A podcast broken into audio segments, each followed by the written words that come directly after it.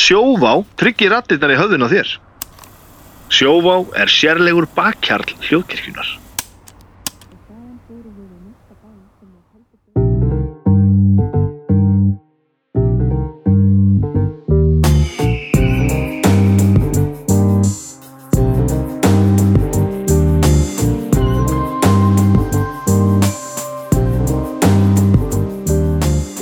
Komið þið sæl og verið velkomin í bestu plötuna. Ég heiti Baldur Ragnarsson, ég er upptökustjóri bestu plötunar. Ég, eh, þetta er fyrsti þáttur sem að, þetta er annar þáttur sem við tökum upp eftir frí. Uh, og uh, það var geggja að koma úr fríinu síðast. Endur nærður alveg, hvernig voru þið? Vá, maður er einmitt bara, ég finn það, ég, sko, maður er ferskur, maður býr enn að þessu, sko. Já, já, já. Í ágúst, sko, maður er ferskur, Já, tilbúinni að láta eh, hið kapitaliska kerfi lemja á sér fram að fram í jólum. desember og þá kvílir maður sér aftur. Na, já, alveg, alveg fram á aðfangudag. Já, Fram að háti á aðfangudag. já, í meir og minna, sko. Já. Haukur, út með reyðins Nei, nei, nei, nei. Nei, nei, nei, nei. Þetta var ljómandi, sko. Ég Já. bara svona, ég, nú er ég eiginlega komið samviskubit, sko. Þetta komið samvinskupið Já, yfir hverju yfir í að vera svona hálfpartina skrökva að hlustendum, sko. Nú, býtu, hvernig þá? Já, vegna þess að sko, og, og náttúrulega það var mjög ljóst eh, ef einhver hlustuð að síðasta þátt, sko, að að að- að hann var mögulega kannski tekin aðeins fyrr upp heldur en við letum í veðri vaka, sko. sko Sko, Kannast Haukur ekki til það. Ég ég, finnst bara heiðarleiki, ég held að hann muni borga sig. ég heldur sért að ofum með þetta heiðarleika og ég heldur sért líka að þú ert að gleyma því að það er nú ekki allir hlustendur okkar Einstein sko. þannig að ég held að, að, að nokkrir hafi síðið gegnum þetta en mar, margir í myrkrinu ha, en nú ert þú búin að skemma það eins og allt sem er fallið Nei, ég held nefnilega að ég hafi ekki verið að skemma neitt, sko. Nú, um, Ég held að ég hef bara verið stating the obvious, sko. hvað, og af hverju ertu að, að rífa hjartað þitt upp á gátt hérna, Nei, æ, bara þetta er búið að kvíla svolítið á mér. er þetta, er, ertu komin um karma karma löguna Nei, nei, ég bara svona, þú veist, ég var að reyna að njóta þess að vera í fríi og... já, já, og þetta ítýndi þér Já, það ég gerði skil. þetta, sko. En sem sagt, nú erum við mættir hérna endurnærið. já, svona í alvörunni mennunum Já.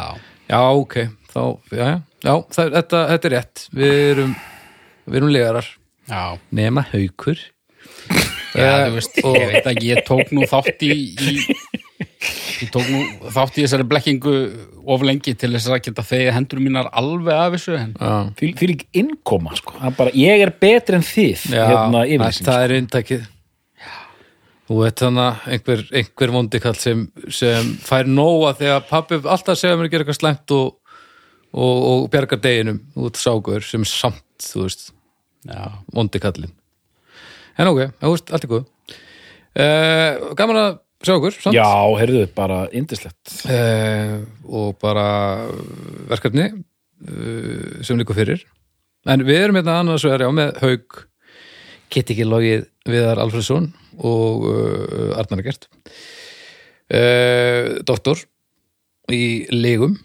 Já, og tónlistarfræðum já, einmitt. og ég er upptökustjóri og legari mm já, er þetta ekki komið? ég myndi segja það Mm. Dóttur í lígum, já, þetta er gott. Já, þú samt vinnur auglýsingastúðu, þú veist eiginlega mest í legarinn okkur öll. Það er reyndar rétt. Allavega. Herri, verkefni dagsins.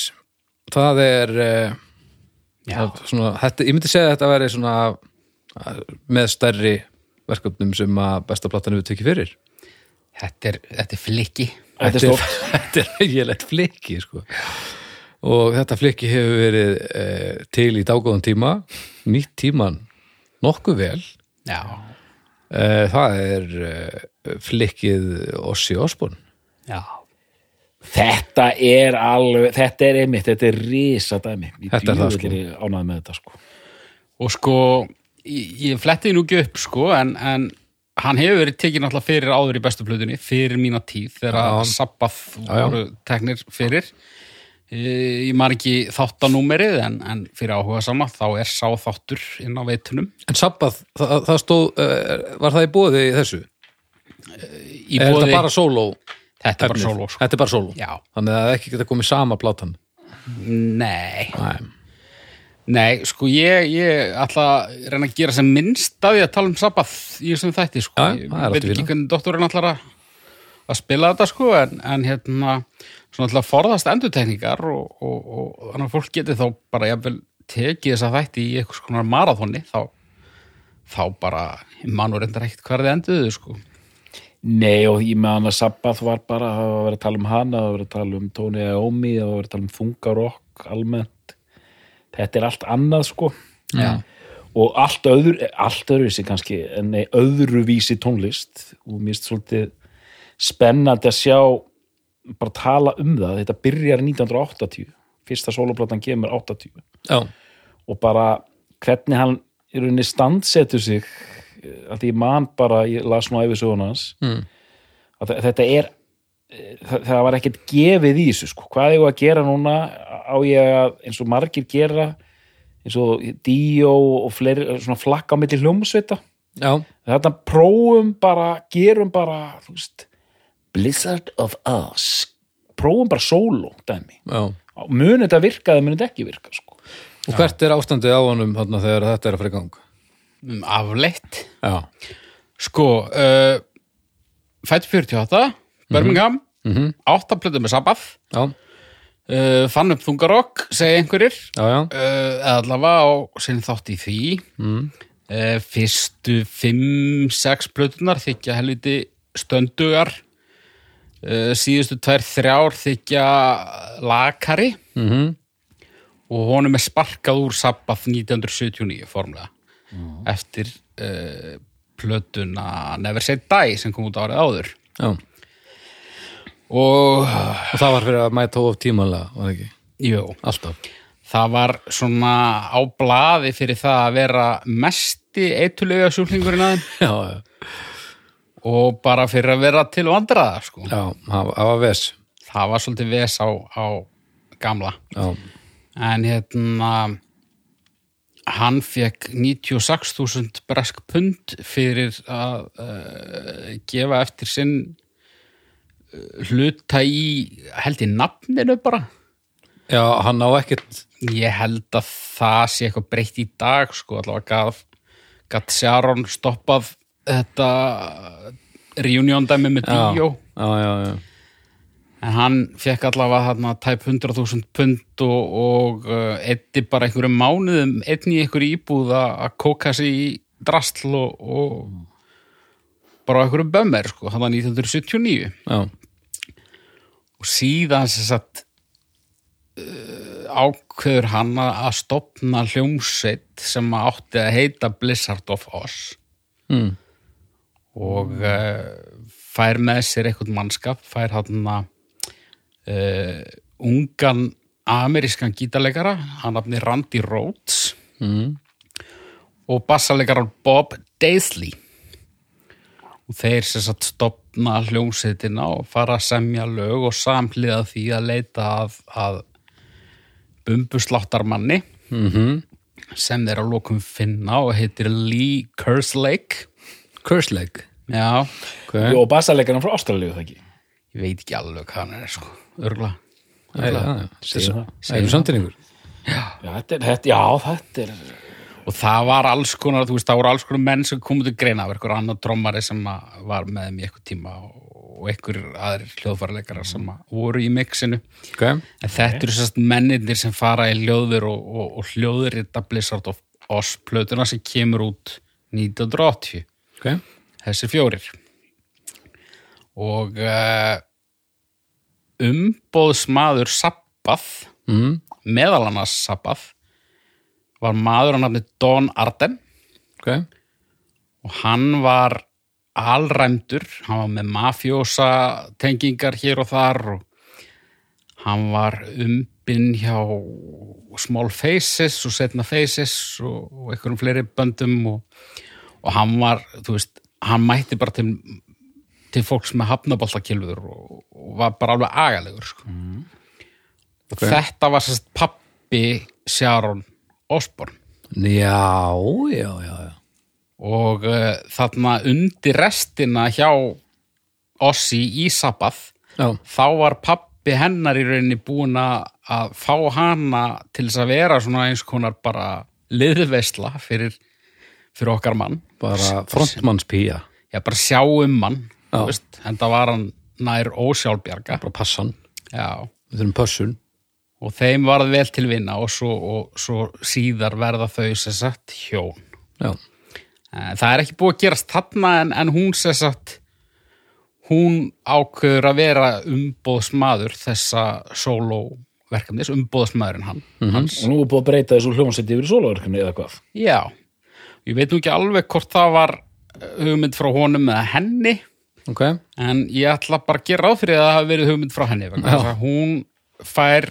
oftast betri hugmyndir heldur en hann og svona er dúer Já, já, og maður, ma- og maður sér þetta ekki fyrir sér sko að það hefur verið sko einhver Blizzard of Oz og einhver fjóri gaurar framan á sko já, þetta er auðvitað málið sko Oss í Osmo já Já, skýrt reynd og skýrt, reynd og skýrt og hann auðvitað sem framan á hann- plötinu allt sem hann var ekki hann... hann framan á plötinu með einhvern kross eða hvað- hvað djöfulega það er sko ok, einmitt, a- allt, einmitt, reynd og skýrt allt sem hann er ekki Geggjað og maður sem getur um ekki plötuumslag. sungið fyrir shit sko.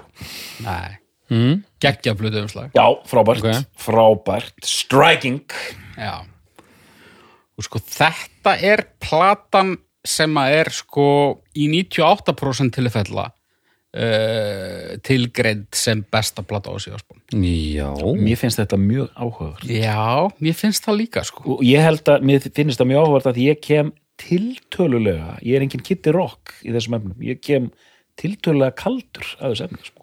ok, ég upplýði Ossi alltaf sem stórstjörnu mm. þannig ég er dálítið erfitt með að ímynda mér að þetta hefur verið einhver áætta af því að hann var bara, ég er á þeim aldri að það er bara Ossi plötur út um allt en ég hafði þetta engan áhuga að hlusta á þetta Nei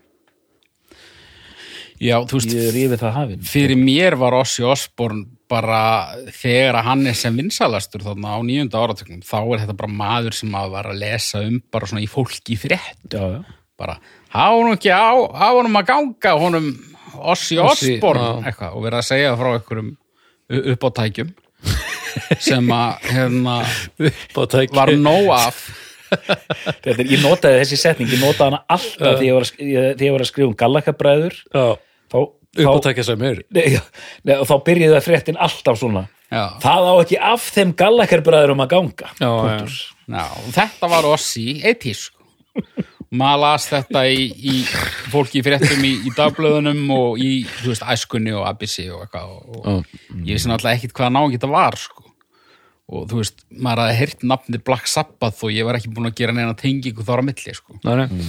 það er ekki fyrir en síðar sem að ég fyrir að hafa eitthvað áhuga á þessu sko.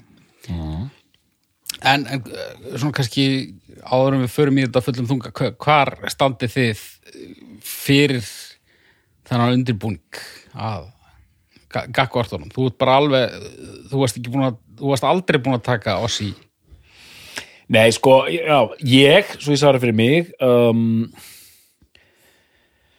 ég veit að þú veist, bara svona, svona eh, eðlileg popfræðileg vitneskja, ég veit hver hann er og og hvað, fyrir hvað hann stendur og vissi að þetta væri eitthvað svona, eitthvað svona 80s hard rock og mjög vinsæll, mikil fígúra mm. þekkja hann líka auðvitað í gegnum þess að þætti þarna, eh, The Osborns já, það er heldur betur Já, og, og en hann er svona en hann er stöðut í fréttum þetta er svona maður eiginlega s- sem bara fer aldrei fram í ánum sko. og þú veist, síðan les ég þessa bók og þú veist, einmitt, en maður hafði þessa mynd þetta væri svona viltur maður og grallari og hérna með þessa eitulifa sögu og allt þetta en, ek- en bángsalegu líka einhvern veginn sko. mann man, man, hérna þykir væntum hann sko, en þú veist eins og þegar þessir Osborns þættir byrja, hann er hann er bara nokkur árum eldri en ég sko já, þegar hann er tifandi þarna eins og hann sé 92 ára sko Já, og en þú veist þetta er þetta sjónvarp sko, kannski gert eitthvað meir úr þessu en hérna en núna, eins og ég hef sagt í þessu þáttum ég, er- ég, hérna, ég fór algjörlega öfugt inn í þungarokk, byrjaði á mjög hörðum enda Mm. og vann mig tilbaka þannig að þetta er eitt þáttur í því og ég, ég búin að hlusta rosalega mikið á oss í Osborn og bara fíla þetta, ok hvernig, er- hvernig er þessi plata? þessi Fyrsta blaða? já. Já, já, ég, ég er, ekki að fara ringin ég, kem, ég er alveg, alveg kaldur Þú já, bara, já, já, ég veit bara ég, ég, allt, þú veist, vita af honum lengi, en aldrei, alltaf verið sama um þetta solodót, Hvað myndur, hvað þekkjur mörg lög til dæmis? ekki mörg sko. Einmitt. Nei, það er svona en einmitt alveg nógu, þetta er alltaf vita af honum að því að hann já, er, það Fí- hefur gengið vel að koma honum fyrir augu almennings og Fígúra. þetta þetta sjá, hérna, Osborn hérna, þátt að dótt náttúrulega bara f- færði bara, það er bara all, allir vita af, af þeim Já. Og þetta er svona fígura, svona svo lemmi og svona sko, þetta er svona já, já, hann er svona þannig fígúra já, þessi plata, fyrsta plata já, sko ég að því haugur segir þetta oftast er að því að sko fyrir mér þetta er svona venjuleg þungarokk riffað Mhm. en fyrir mig þetta er, þetta er reyndar frábær plata en fyrir mig ef ég, ef ég á að gefa henni mínustig það er aðeins svo mikið svona 70s slikja mm Nákvæmlega. 100%. ok, 70s leikjan Það er svona kjöti karri fílafinni og hérna sem var þjóðarettur Íslendinga til 31. des 1979 passar þegar að, hérna, hvað tók þegar við? að það var eða pizzur, hérna taka við kínarúlur Kínarúlu þetta tók við hemmit og hérna, já, hún, hún er absolutt þannig, sko og, og, og mér finnst það mitt, ekkit alltaf mínus en mér finnst það eiginlega þarna, sko þegar Ossi er svo mikið 80s dæmi mm. og, og þarna finnst mér bara öll elementin ekki vera komin en sko lögin eru langflest stórgóð -hmm. og jafnvel mætti fara rauk fyrir því að svona uh, hlutfall góðra laga á móti ekki góðum lögum sé mögulega best þarna sko já, ok, en hérna ég, ég stilli henni ekki fram sko um, Hún byrjar á, mér er svo flott fyrir geðu haukur, mér er svo flott að hún byrjar á lægi sem heitir, sem ég finnst svona tákgrænt, I don't know fyrsta lægið á fyrstu plötu og sér sko, já, I don't know I don't know, ég veit ekki og síðan bara kemur eitthvað geggjað riff frá þessu Randy Rhodes bara og síðan kemur þessi 70s bassi já Hva, hver er að semja þetta? þeir eru að semja þetta Randy Rhodes og Bob Daisley mjög mikið sko ok, uh, Ossi sko, ég veit ekki nákvæmlega hvernig það var á þessari plötu, Daisley sem er einhverja texta, Ossi sem er einhverja texta svona ef við, ef við horfum bara heilt yfir ferilin þá á hann slatta textum sko, ok en svona hans framlag í tónsmíðunum er alltaf sko melodíunar já, og og Ossi það eru margir sem segja það að hann fá ekki nægilegt kredit sem Lagasmiður, lagasmiður já. út af þess, út af því að hann þykir hans lungin við að fá bara instrumental lag og bara kemur með melodíu og, og stundum texta líka húka Já. já, og þegar hann kemur ekki með textana þá, þá jarmar hann bara eitthvað og, og, og þá fær ykkur það verkefni bara að semja texta sem bara fittar 100% í þessi atkvæði bletta í armið bara Já.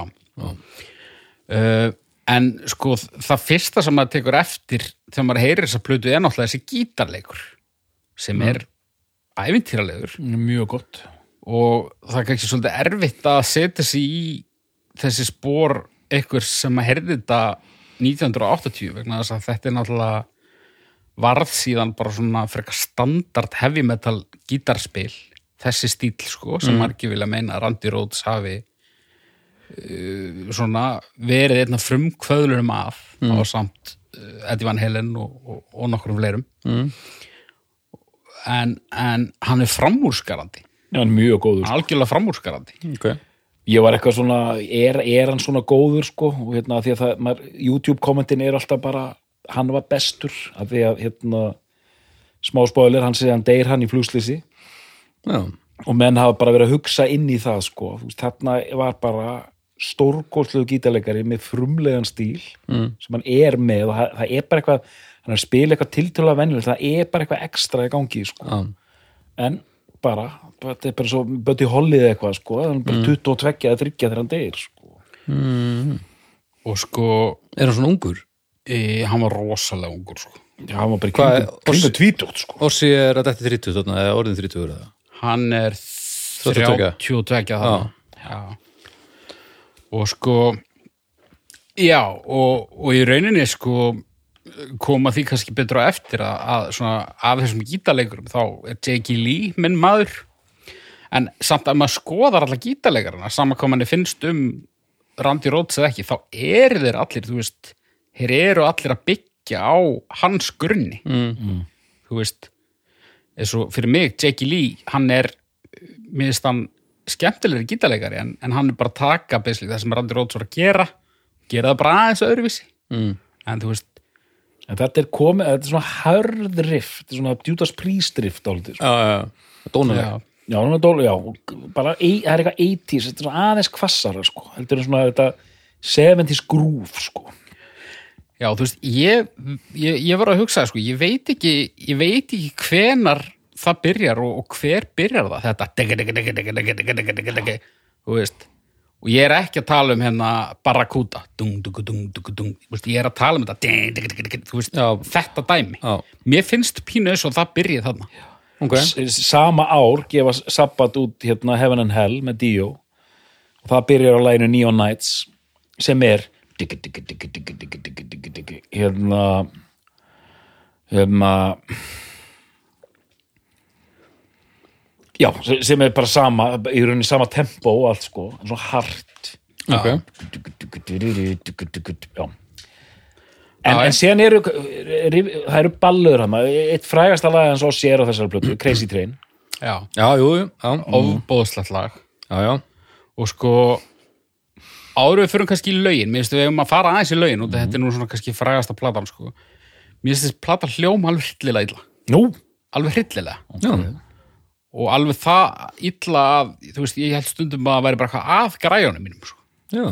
bara, mér finnst hún bara hljóma eins og demo og þú veist eins og ég hef sagt áður í þessum þætti ég kann vel að meta eh, sound sem að er ekki fullkomið Eh, þú veist, ef það er kraftur í því en mér finnst í sumum lögum þá finnst mér soundið bara eh, ekki skila kraftinum sko. mér finnst að gera það til dæmis í Crazy Train og fyrsta laginu en í sumum lögum finnst mér þetta bara helviti umt sko.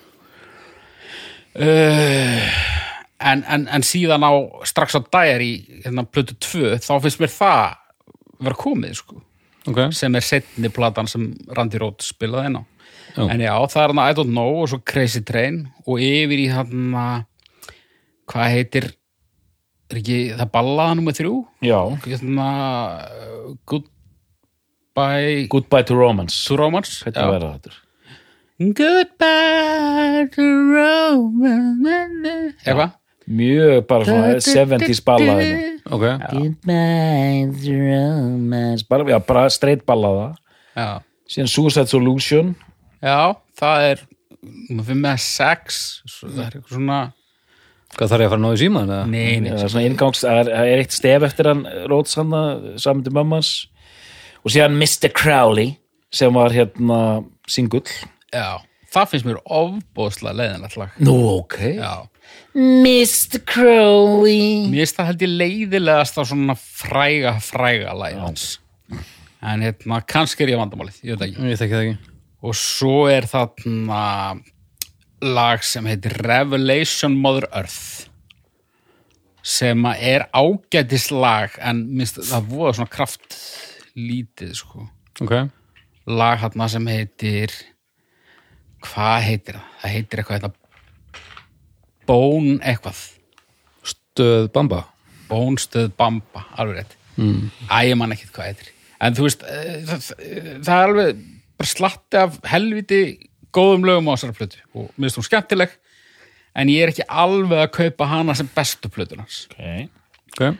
og þarna og það er svolítið skrítið að hugsa til þess sko að, að þarna fara þér á túr og þeir eru bara support fyrir Já. einhvern, Já, já, já. mann eitthvað, þú ert bara gæinn sem var að fronta Black Sabbath hann er bara, þú veist, fyrsti á sviðið af þremur, skilur ok, um, en það er, það er sko, mér minnir að það hafi verið þannig ég, ég, ég er- ég er ekki þúsund prósent en sko, nei, það getur eiginlega ekki verið út af því að hún kemur nei, hún kemur 81, diary e, einhverjum þetta vegna myndi mig að sko að þeir hafi klárað hana áður en að þeir fóru á túrin fyrir Blizzard að Já, þú- sko- að Sharon hafi bara sagt bara, ok, þið hafið þetta langan tíma þá til að túrin byrjar -hmm.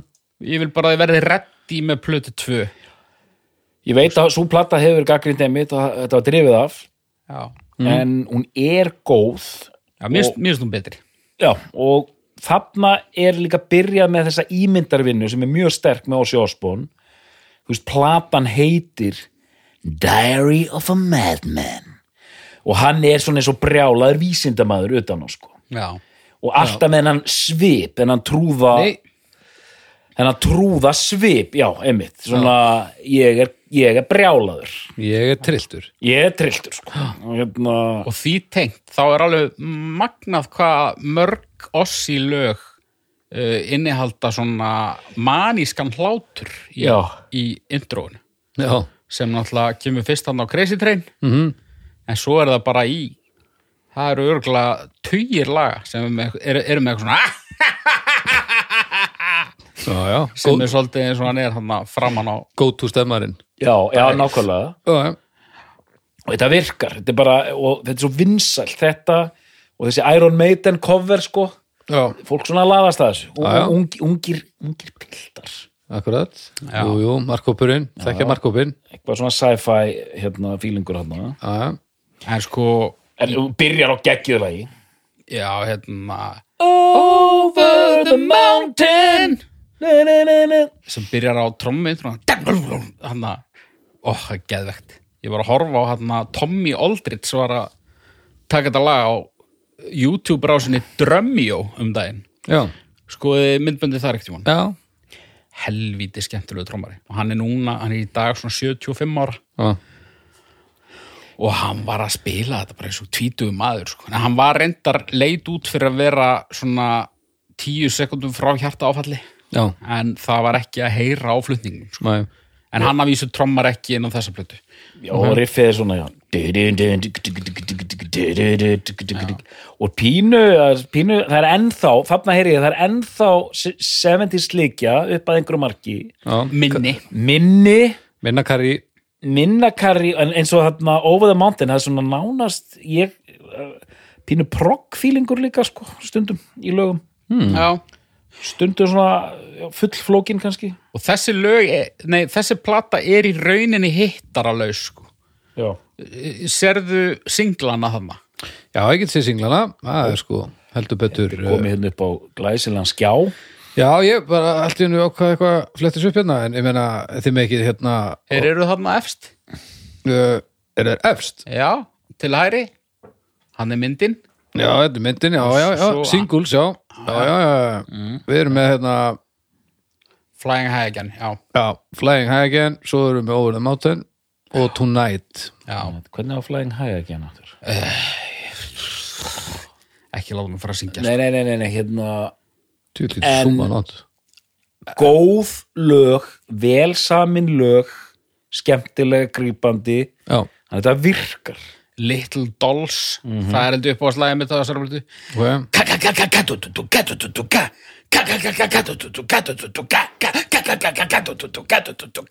mjög skemmtilegt sound á þessar blötu Ok, þetta hljómar, hún, þetta hljómar vel. hún er í rauninni mér finnst þið svo Blizzard sér demo og þetta sé fyrsta sko, Ok, pínu og núna erum við með Hope Up Berry, já. Já, Við já. liðið þetta úti. það er fólk að fá hjertaslag sko. bókamál sko. Já, já. en, mér finnst Blizzard vera En Við erum demo. ekki hér til að lækna hjartasór. nei, nei og ég bara, ég er ötull fylgismæður skoðana frelsis Já, og ef ykkur er ósamála mér þá má viðkomandi bara uh, vera ósamála mér skoðan að fyrir sér nú ekki að draga það besta fram í fólki þessu dagana. En, Nei en, en já, sko, en mm, ég þetta er get- ekki sko, ég- platan. Nei, ég get ljóstra því upp bara núna ég sess að tefli fram fjóruðum blöðunni uh, Fjörðu? Ultimate Sin, já Ok. og sko, ég er búinn að vera bara ónýtur maður hérna, bara á línunni við Arnar annað slægið hérna undanfært og þegar það var mjög langur, það var óvinnu langur undirbúningstími fyrir Já. þetta session Jú, jú. ég hef aldrei, aldrei nokkuð tíman átti að erfitt með að finna bestu plötuna Já. Og var það þessi númer tvö sem að var að berjast við þig líka? þær sem komið til greina Já. uh, voru þessi, Dire of a Madman, Bark sem er númer þrjú Bark sem er með geggjað cover. Já. Störlað Djöfull hann slappur eitthvað. og uh, Ultimate Sin og svo Sputnik valið er sko Osmosis sem er 90s plata Uh, Osmosis. já, kemur út 95. 96, 5 já, Margar í mixinu heldur margar í mixunum sko Ok. allar eiga þessar plötur og reyndar allar hinnar einnig það mm. sameiginlegt að enginn þeirra er góð út í gegn Góð. út í gegn Já, já, já, nei. Já, En- já, já, nei, sagði ég. en það er bara með það eins og svo marga aðra artista að, að þú veist, og sérstaklega ég meina, maður er múin að gefa út 13 plötur sko eh, að frátöldu eh, hérna, sabbathdótinu sko Já. Þetta er alveg, já, já, þetta þannig er að þú, slattið, sko. veist, þú mátt alveg þú mátt alveg gefa út nokkra hunda sko En hvernig er hérna, uh, sem sagt, Ba- Bark at the Moon? Já, förum í hana uh, en sko það sem gerist síðan á dæjar í turnum Já. 1982 það er sem sagt það að eh, Randy Rhodes Já. fellur í valin Já, já. það ge gerist sem sagt þannig að þau eru í tónleikarútu og, og hérna stoppa eitthvað staðar hjá einhverjum svetabæ til að, að fá sér kríu Ok. og það er eitthvað rella þarna og eitthvað flugmaður og sem sagt rútubílstjórnum, túrbössdræðurinn Já. hann er með eitthvað eh, flugmannsréttindi og hann spyr hvort hann með ekki taka smá ring og hann tekur ring hann með einhverjum úr bandinu og krúinu Mm. og svo sem sagt lendir hann og þá tekur hann næsta hol sko, sem að er Randy Rhodes uh, ekkur saumakona sem sá um búninga og fleira Mm.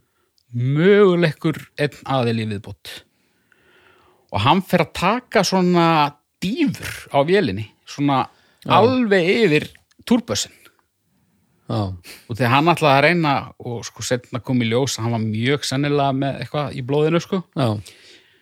hann ætlaði sérst að reyna að sko snerta turbus hann ætlaði bara klikkar hörmulega og, og, og sko eh, mér minnir að það hafi verið Bob Daisley basaleikari sem að stendur þarna á jörðinu og horfir á þetta og hann segir að sér hafi sýnst sko Randy Rhodes í einhverjum áflógum hérna við flugmannin bara hvað djúlun ert að gera sko.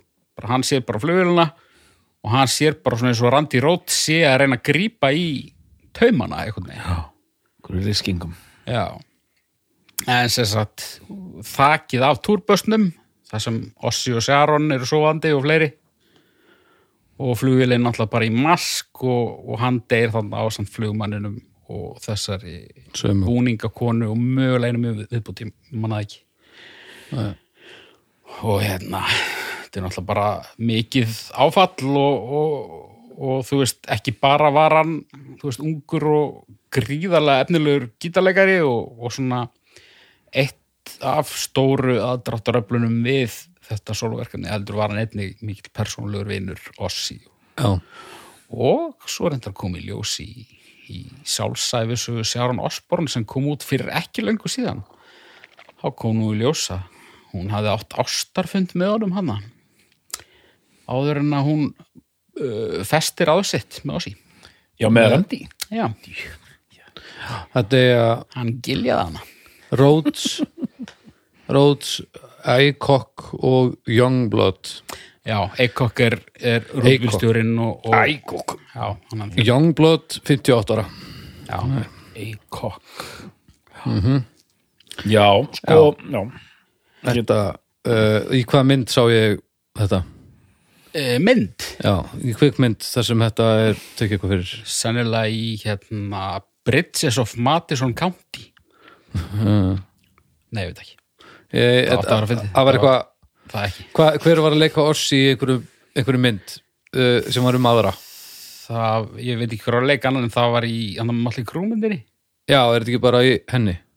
Ég man það ekki Uh, eða, æ, ég maður ekki, skiptir ekki máli.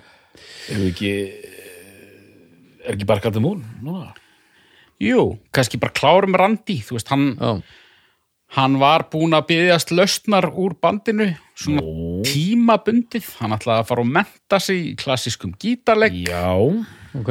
eitthvað sem hann gerði bara á túr hann tók bara gítartíma í, í hverju borg og, og hann vildi sem þetta vera tónlistarkennari ég skil Já, en mér skilst að hann hafi haft fullan hug á að- að snúa tilbaka ok. en hérna en hann ætlaði að klára túrin Uh, en já, það þarf að halda þessari maskinu gangandi þrátt fyrir eh, harminn mm. og Barkandi Moon kemur hann að tveim, neða ári eftir slísið tveimur árum eftir dæri, hún kemur 83 83 og þá eru í hljómsveitinni gítarleikari að nafni Jake E. Lee það voru náttúrulega einhverju búin að vera þarna á milli til að klára túrin og, og eitthvað þetta er, þetta er svakalegt rennir í gegnum þetta band sko. Jake E. Lee er veit þú að lítið um hann hann er, sko, hann er hann er hálfur Philipseyingur eða eitthvað, ég manna ekki Ok, og hérna og svo er þarna ég held að Bob Daisley sé á bassa þarna en Jú, jú, og þarna er sérst Tommy Aldridge komin á trommur já uh, krullherði hérna brálaðingurinn mm. Mhm. og sko Barkandi Moon ég held ég myndi mögulega enda þar sko ok. en eftir því sem ég hlustaði oftar á hana mm.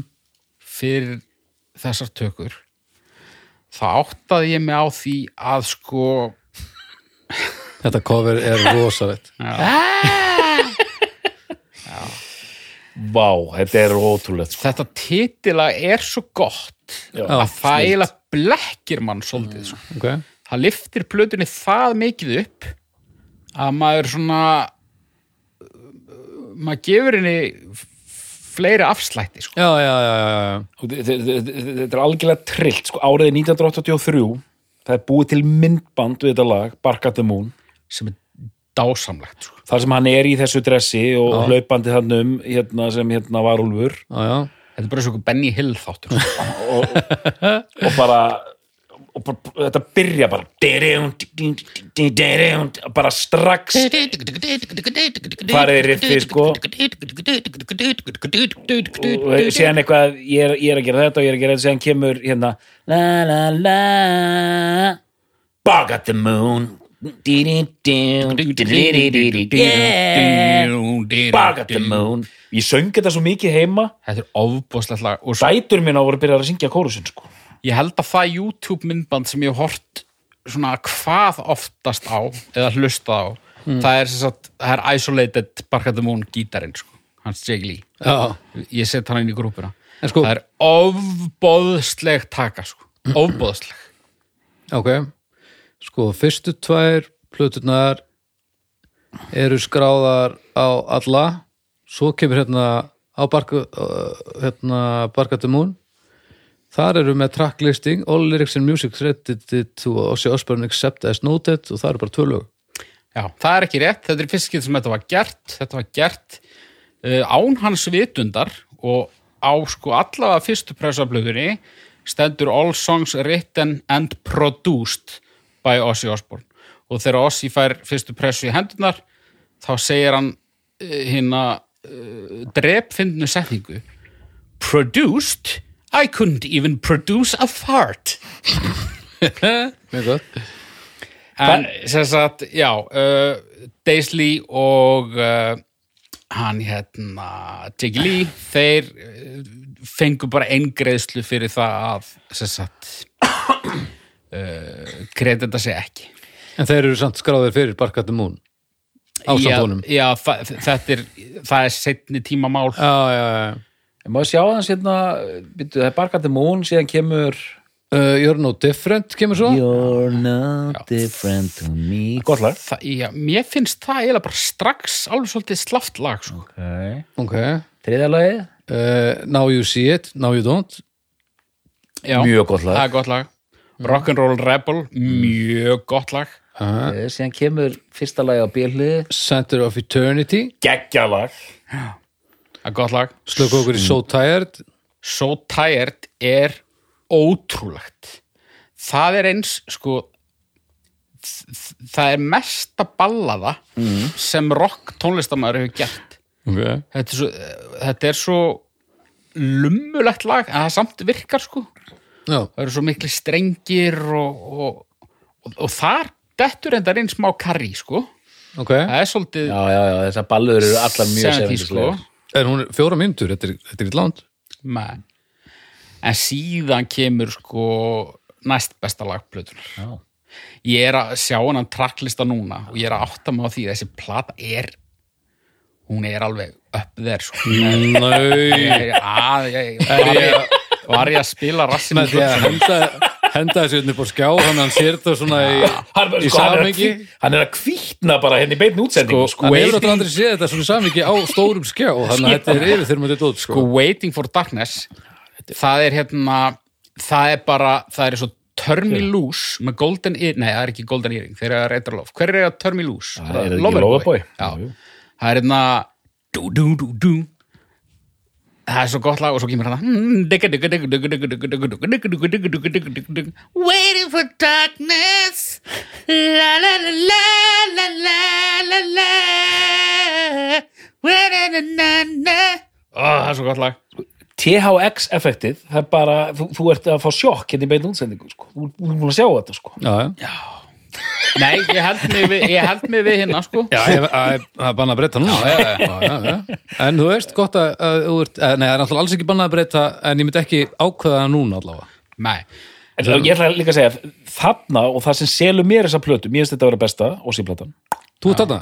ég er þarna Fyrstu tvær, eins og við talaðum 70 slikjuna Já. þessi plata finnst mér það er búið að henda því hérna þetta er nöysþykk kínarúla. já, nú, já nú er búið að henda 70-sinu út og þetta er bara svona 80s riffa metal nöyst kínarúla Með, með pínu karri, hérna, hérna, bal, karri balla En ég meina, en ég meina þetta er, ein kariballa og nöyst hérna kínarúla en þú veist, þetta er 100% rétt. Þarna er hann orðin, þarna er hann fullskapaður. já, já, Ok, Þetta er Ossi sem að, eh, þú veist, hann þurfti bara að fara í varúlagallan já, þetta er Ossi sem að fyrir ekki hann allt etísi, sko. Já, En þarna er hann náttúrulega líka orðin, sko, geðbilaður á eitulum.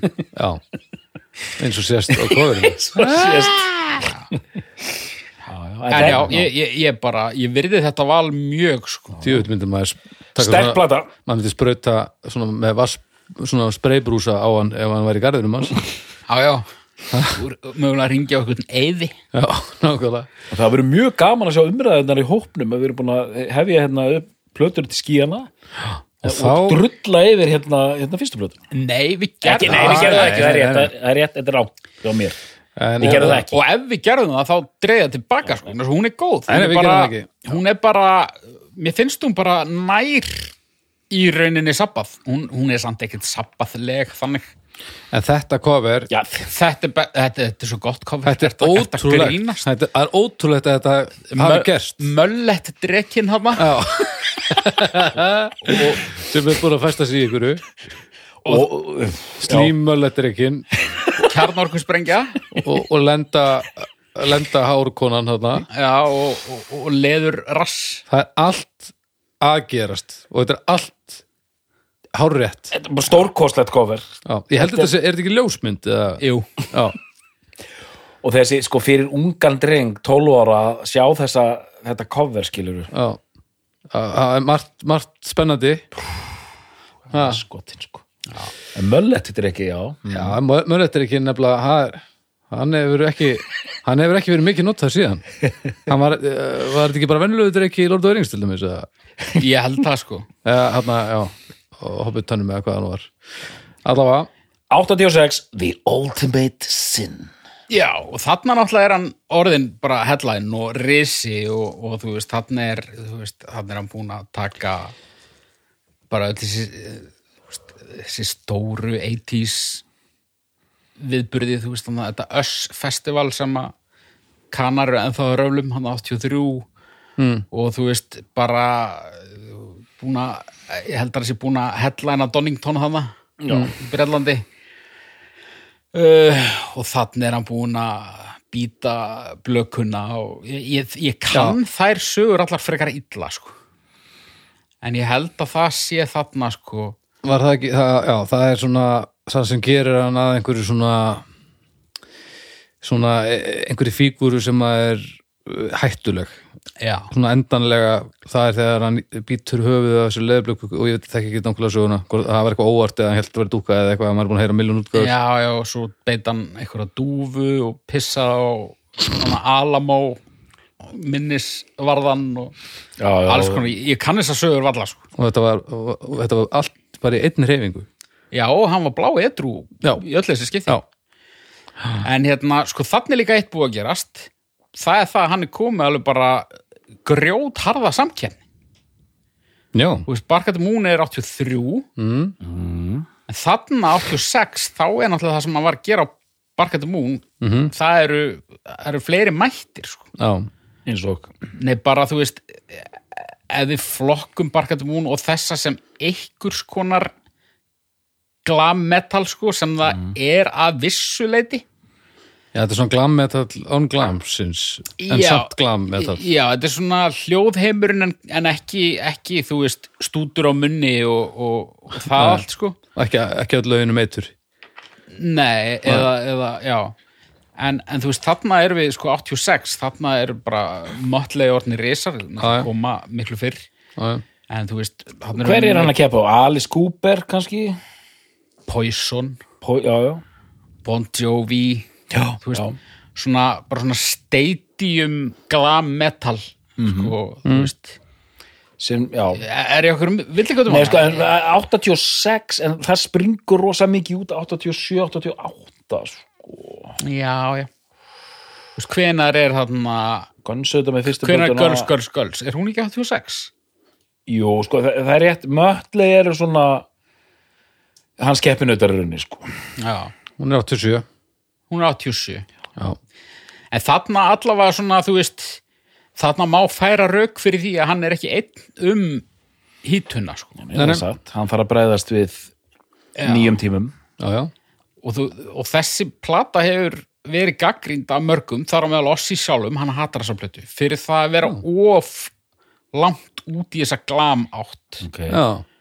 og, og sérstaklega í sándi að, að hún sé hún, sándið eldist illa hún sé of einhvern veginn eh, glansandi sko en ég er Ok. okay. bara ósamála sem ég finnst hún miklu harðari og svona hrárri Já. sándlega sig heldur um Barkandi Moon sko ok, þannig er hann að vinna með einhverjum pródúsir sem hann hefði ekki unni með áður, Ron Nevison held ég hann heiti þeim samt eitthvað illa og hann tala mjög illum hann og, og hann bara, hann hatar þessa plötu sko ok en þarna er sko uh, þarna er Bob Daisley ekki, ekki lengur á bassa, hann fær eitthvað nága sem heitir Phil Susanne já, sem var bara svona einhver harkari sem var búin að vera í einhver svona AOR uh, drullu bara svona soft rock Já. dæmi einhverju ok og hafði í raun ekki náð neinum frama í því hann fær hann hann inn í bandið og,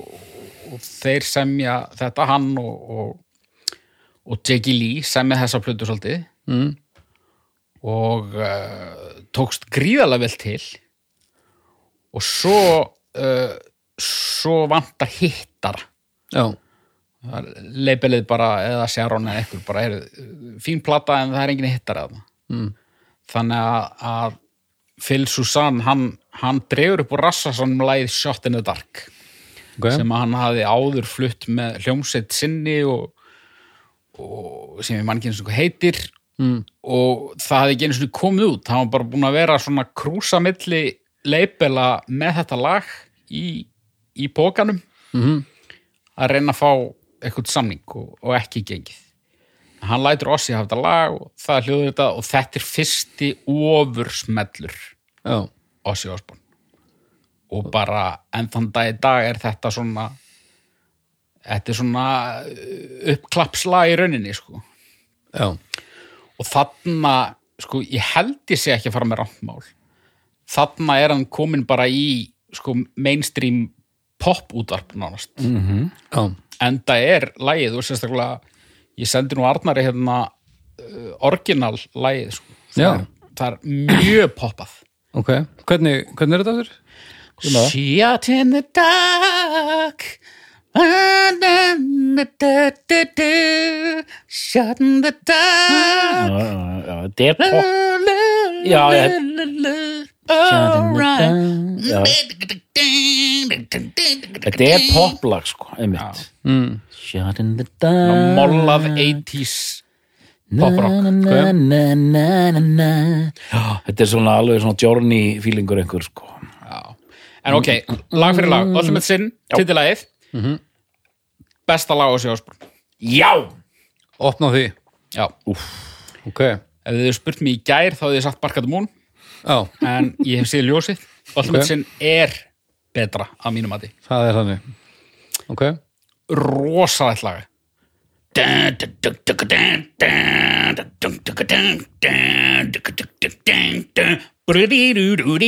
og bassin bóm, bóm, bóm, bóm, bóm svona gott gott, geðveikt lag trommunar sturlaðar Ok. yfir í Secret Loser sem að er ég myndi segja að væri það er bara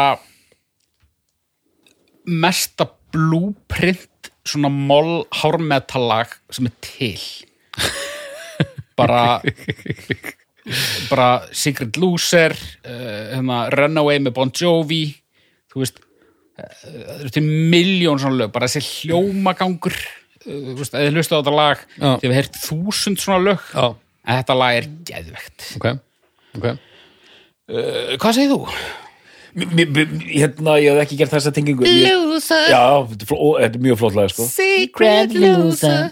Þú veist, það, það, þessi hljómagangur þannig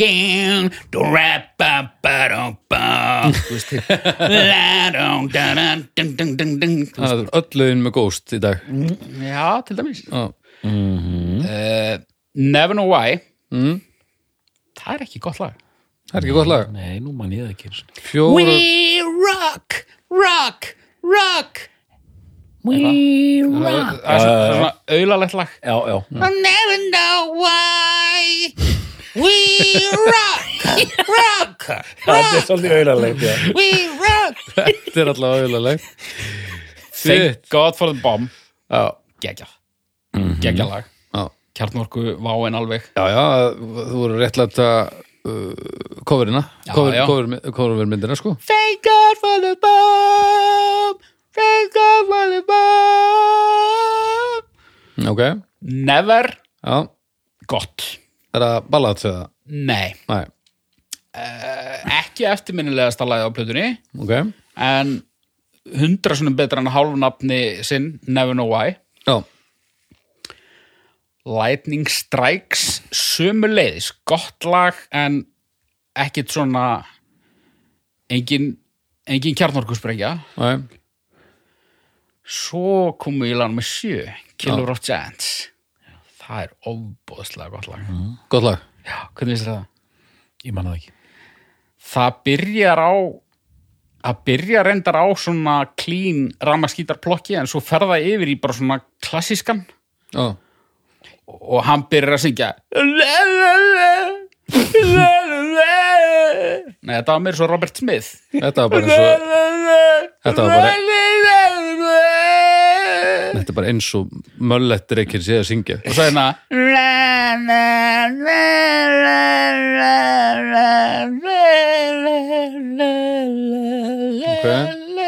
Dung, dung, dung, dung, dung Killer of Giants Mm-hmm. Þetta Dung, dung, dung Rabababam Ok.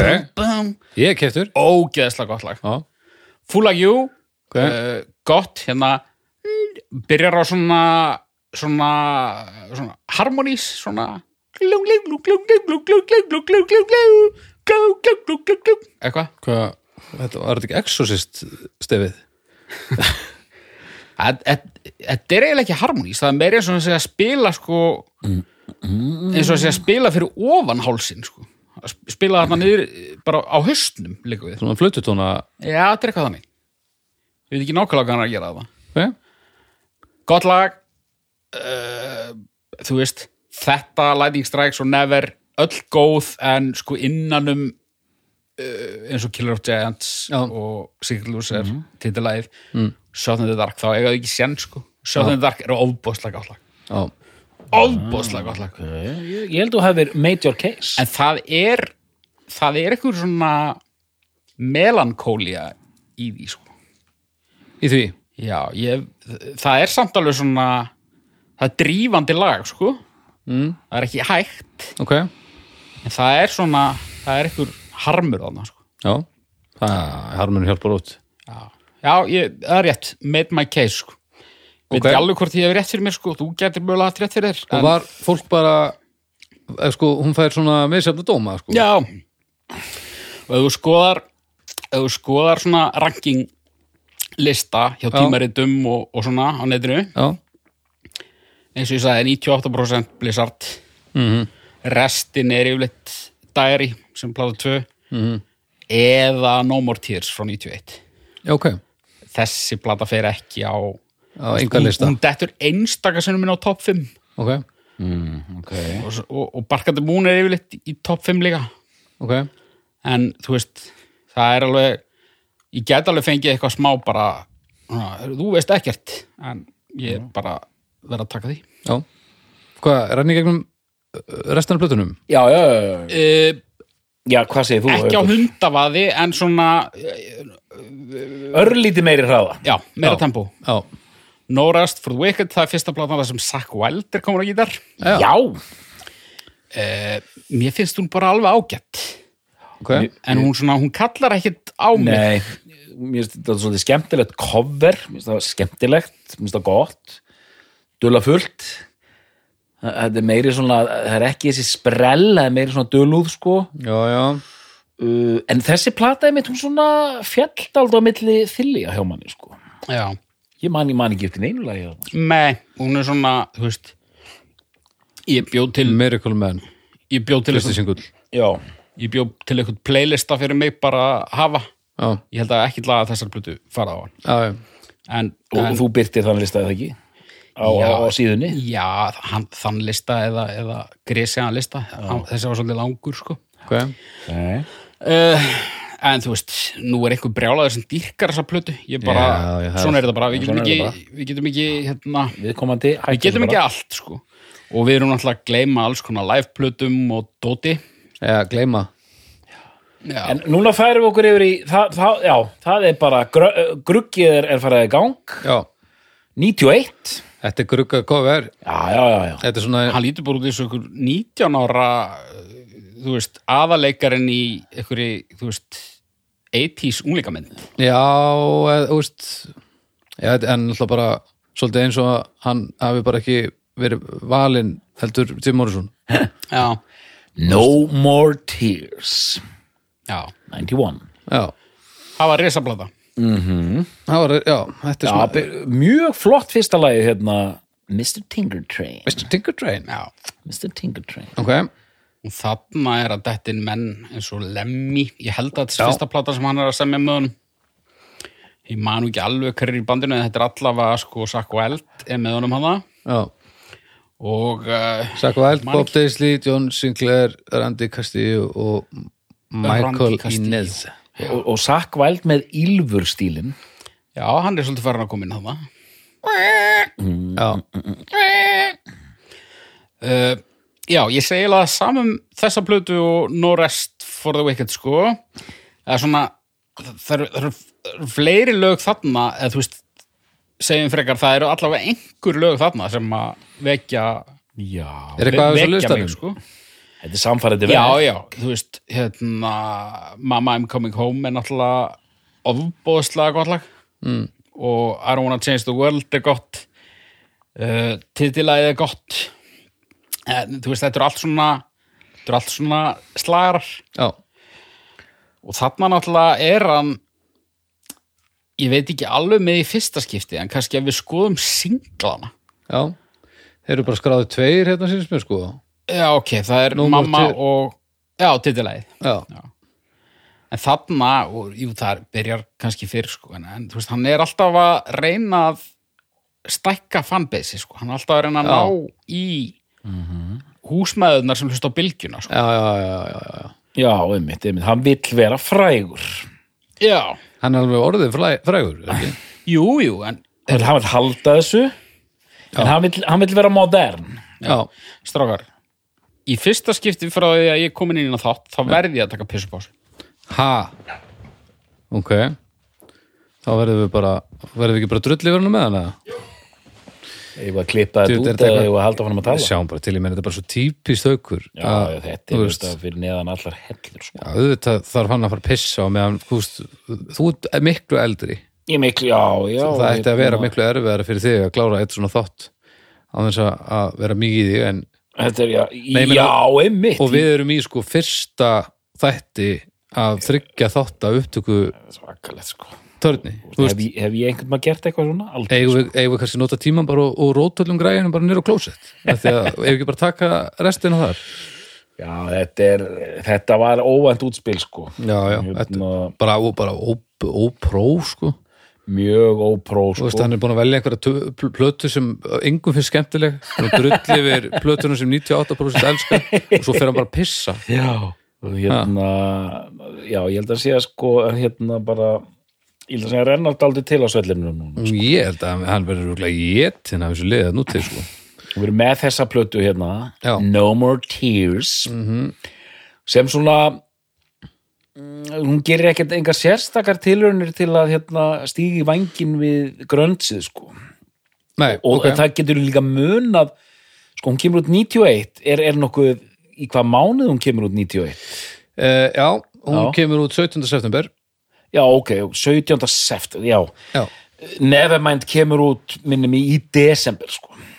Þannig Já. að hérna, það er ekki og þetta, þetta grunge onslaught er svo sem ekkert farið í gang sko. nei, nei, nei, nei, nei ég skilja þannig að það er ekki, það er ekki verið að reyna að, hérna, tala við hérna, Tala við gruggara þarna, sko. Nefumænd er 24. september já, betur þessi var 17. já, ok, ok, hún einmitt, kemur vá. út bara viku Viku- undan nefumænd viku undan Nevermind sko. við tókum bara smá gruggspinn á hérna, No More Tears á meðan sko. Ég trúið ég ekki hvað ég var nálætti að pissa busunar. Mm, ég, sko. ég, ég, ég held að menn drulluðu buksunar en pissuðu ekki buksunar sko. Nei, bara mjög fegin að hún gerði það ekki Tæft, sko. Já, en ég meina svo er Tóku þetta ekki eftir hvað ég var farin svona að vagga mér. bara- Ekkert sérstaklega, ekkert meðinu velula Ma, ok. En þú veist, ég hef bara ágjur að þetta er fyrsti þáttur og þremur, sko, veist, þú bara að fara að vera bara á hlaupum Við bara eh, dílum við það þegar og ef að því kemur. sko. No Ok. More Tears, afgreitt Já. ekki verið að dansa við gruggara Nei, ég, eh, svona kannski, þú veist, jú, á plötu umslæðinu. já, já. En hérna, en nei, nei, þetta er ekki hérna, þetta er ekki hérna eins og gruggplatan sem Kiss gerðu þar sem þeir standa að einhver húsnaðinu í gallabugsunum. Já, Þetta er ekki það. það er rosalegt En hérna söndu Osborn og Wild lægi Time After Time sem er náttúrulega ætti að vera ólulegt Það er búið að gefa út Time After Time og það er ekki þetta Time After Time Allavega, Það time after time var að ég held samið af eigin manni önnum í allar. gott Ég held það. Já, ég, ég, ég, það, ég ekki sko það en þarna segist hann hættur Já, Nú. Ok, já, já. Í f- fyrsta skipti af mörgum, eða mögulega ekkert einu svona í fyrsta skipti, sko. hvað var að, var að bara bugun eða, Ég veit ekki nákvæmlega eða bara ég verði ég aldrei, gekk á sko, við erum náttúrulega að skauta svolítið yfir neyslusöguna en það er náttúrulega bara eitthvað sem er búið að kofvera svo ofbúðslega vel Já, en, en eh, við vorum ekkert að kofra neyslusuguna eitthvað í, er það að tala um sabbaþáttin eða? nei, ég er að tala um bara, Bara heiminn bara heiminn sko. Já, en ég meina, eh, en þú veist, þannig er það til dæmis búið að gera þannig búin að fara í eitthvað meðferðir hann er búin að vera meðferðan, já já, eitthvað meðferðir sko. og einhverjar, er þetta meðfæra plötur einhverjar af þessu, en það er nú ekki svona þessi No More Tears lítur nú út fyrir að geta verið meðfæra plata ég þekki ekki og svo gerist það þarna sko á milli e, no rest og þessar þá gerist það hann handtekinn fyrir heimilisofbeldi já, Já. hann reynir að kirkja sjáran já, og hérna henni er bóðið það að þú veist eh, ef að sleppa honum með ef að fara með hann í, í grjótið og hún segir bara fara með hann í grjótið hann fyrir bara í grjótið hann fyrir grótið og þú veist fleikt í steinin og þarna er hann alltaf sko þú veist, hann myndi ekki einu svona eftir svo hann var bara mm. gjörsamlega ónýtur sko. og ég ætla nú ekki að fara að verja gjörðir fólk sem leggur hendur á annað fólk en, en í- það að þetta sé alvarlegasta atvikið er í rauninni ótrúlegt sko. með, við meðferð á sér Já, ok, og mér skilst að þetta hafi verið svona ákveðið svona wake up call fyrir hann, hvort hann tekur eitthvað edru tímabili kjölfæri, ég bara þekki það ekki sko Nei. en hérna, ok, og ég held að þú veist, ég held að ef að þessi maður hefði hætt að drekka og dópa þarna og hefði aldrei gert það aftur, já, þá held ég að hann væri alveg jafn handónýtur í dag, sko, skaðin var skeður já, já. en hérna, og síðan veit maður auðvitað ekkert ég bara setja þetta inn sem svona disclaimer, maður veit ekkert hvað gerist bak við luktardir og við, við getum sagt að þetta sé alvarlegast að reporta það atvikið sko. já, já. já, ég held að vera að menna kannski að væri hann búin að vera ettur allan tíman, bara heima En sko Sjáron, hún hefur nú aldrei verið feimin við að viðra áhrifna þóttið þeirra sko. þannig að hvort sem að það er þetta eða Randy Rhodes eða þegar hann held framhjá henni með einhverju píu, sko, það var bara fyrir einhverjum nokkrum árum, sko, já, já, þegar það kom og hún hendur honum út og eitthvað, hún er náttúrulega svakalega líka, sko já, það er einhver saga, það var einhver, einhver sem þeim var illa við og þau kúkuðu bæði í umslag og sendunum og eitthvað, þau eru alveg helvið, sko já, já. en hérna, hvernig, djú, þurfum hvað maður að kaupa þygt umslag er þetta svona bóluplast svona, að ég myndi örgulega nota svolítið já, já. eða í eitthvað svona gjafaskrín eða eitthvað, þetta var eitthvað þannig ég er rúlega ruggla við hérna, ég var að þurftu tala, að, þurftu að gera pröfur áður Kú, Ég- kúkuði skrín en ekki, ekki brýn. já, ég, ég er að ruggla út því ég var að segja eitthvað frá því áru við byrjuðum að taka upp að ég var að lesa hérna Rob Halford æfisöguna, það sem hann neyðist til þess að kúka í svona Manila envelope í Já. rútunni ok, út af því það var ekki klósett úf, og hérna, það er svona svona, svona brúnt, svona Já. skjala umslag eitthvað, hún geimdi hvar hann hendið í eitthvað á, já, ok, en nei, þau, þau kúkuðu í eitthvað skrín, já, í skrín kúkaskrín kúk, kú, lortskrín Já. En hérna, já, djöfull á ég eftir að senda þér skrín og hann skaga Já, bara til að sjá hvernig þetta virkar er allavega en ég minna, þú segir að hann fullir að hann að hann sé hættur, ég þekki sögun ekki sjálfur, en ég minna, þetta er 91, kemur platan út þannig kemur ekki plat út fyrir 95 Nei, aftur. það hefur aldrei liðið það langt en reyndar voru alveg þrjú árum milli síðustu Já. þannig að, Þarna er verið að bregðast úr graukinu svolítið. já, Ekki endilega í laga smíðum, en svona í öllum frágangi og, og bæði já, já. umslægi og, já, já, og, smágrugg í umslæðinu en ekkert eitthvað, og þau, það er hringt í, í Michael gamla Bænhorn sem að var þarna ferskurinn í búin að pródúsera Super Unknown með Soundgarden það var svona platan sem að já, vakti aðtekli Sharonar já, og, og hann er fenginn hann og það samstarf gekk vist ekki dvola vel en, en hérna en platan er helviti sterk sko þetta Ok. er osmosis osmosis og það er algjörlega þessi mid-90s industrial blær á þessu líka sko. já, við- þetta, mér finnst þetta vera meira industrial svona finnst þér það? umslag já, er, er, er hérna Mér finnst það ekki ég finnst ekki að industrial blær í lögun ok, en þau eru bara hörð og, og svört og Já keirð Já, mér finnst það meira svona út í groove metal okay. ok, pælingar, sko. ok, En þetta er framlæðningur. þetta er Er það? framlæningur Já. ok Þetta er fyrsta Ossi-platan sem að, þú veist, þetta var nýjasta platan þegar ég datt inn í Ossi. já, já, Ég datt inn í Ossi þarna í lok 90s og og þá var þessi plata svona að tækja þeirra gömul okay. og þú veist, þarna myndi ég til dæmis eftir, þú veist, ég man eftir fyrsta singli að þessari plötu Perry Mason, Já. Mhm. ég man eftir að hafa séð það í róteringu, nokkuð góðri róteringu á MTV Europe Okay. Þessi plata átti möguleika á að toppa sæti hjá þér út frá tilfinningarökum. Já, Já, bara tilfinningur að koma síðan mér með að við, hvað? Þessar, Þetta þetta er nú er ekki samt stórkostlega sko- stjörnugjafir þetta sem að, Já. en sko svona miklir ossilúðar já, margir hverjir tala um þetta sem vannmetnu plötur hans ok, þannig að ég er með, ég er með eitthvað lið með mér í þessu sko. ok, ok. uh, ég var samt að rúlenni núna og, og reyna að horfa á hana að hlusta á hana með gaggrínum eyrum Já. þá kemur ljós og hún er framlæðningur Alveg skipt til helminga eða, Eh, nánast, við erum að tala um fyrstu fimm lögin eru frábær ok, og lag nummer tíu er frábært já. það eru fjórir svona hálf hundar hann á milli Þannig að Perry Mason, I just want you, Ghost Behind My Eyes, Thunder Underground, See You on the Other Side, og Old LA Tonight eru góð. Mm. frábær, Tomorrow, Denial, My Little Man, M- My Jekyll Doesn't Hide. ekki léleg en bara svona korki fuglin ég fiskur, Já, myndi ég segja ok, ok. uh, og þú veist ég, ég hef ekkert mikið um þess að pluta að segja annað en bara það, mist bara lögin ógisla góð, mist hann melodíunar hans eru glæsilegar gott sound á henni þetta er ekki svona þú veist, mist, mist þetta ekki svona þvingað uh, grögg dæmi, þú veist, mér finnst þetta farunum ágætlega þetta sound Já, Okay. og hérna já, bara frábær plata sem ég mæli eindreið með en, en ég hérna ok,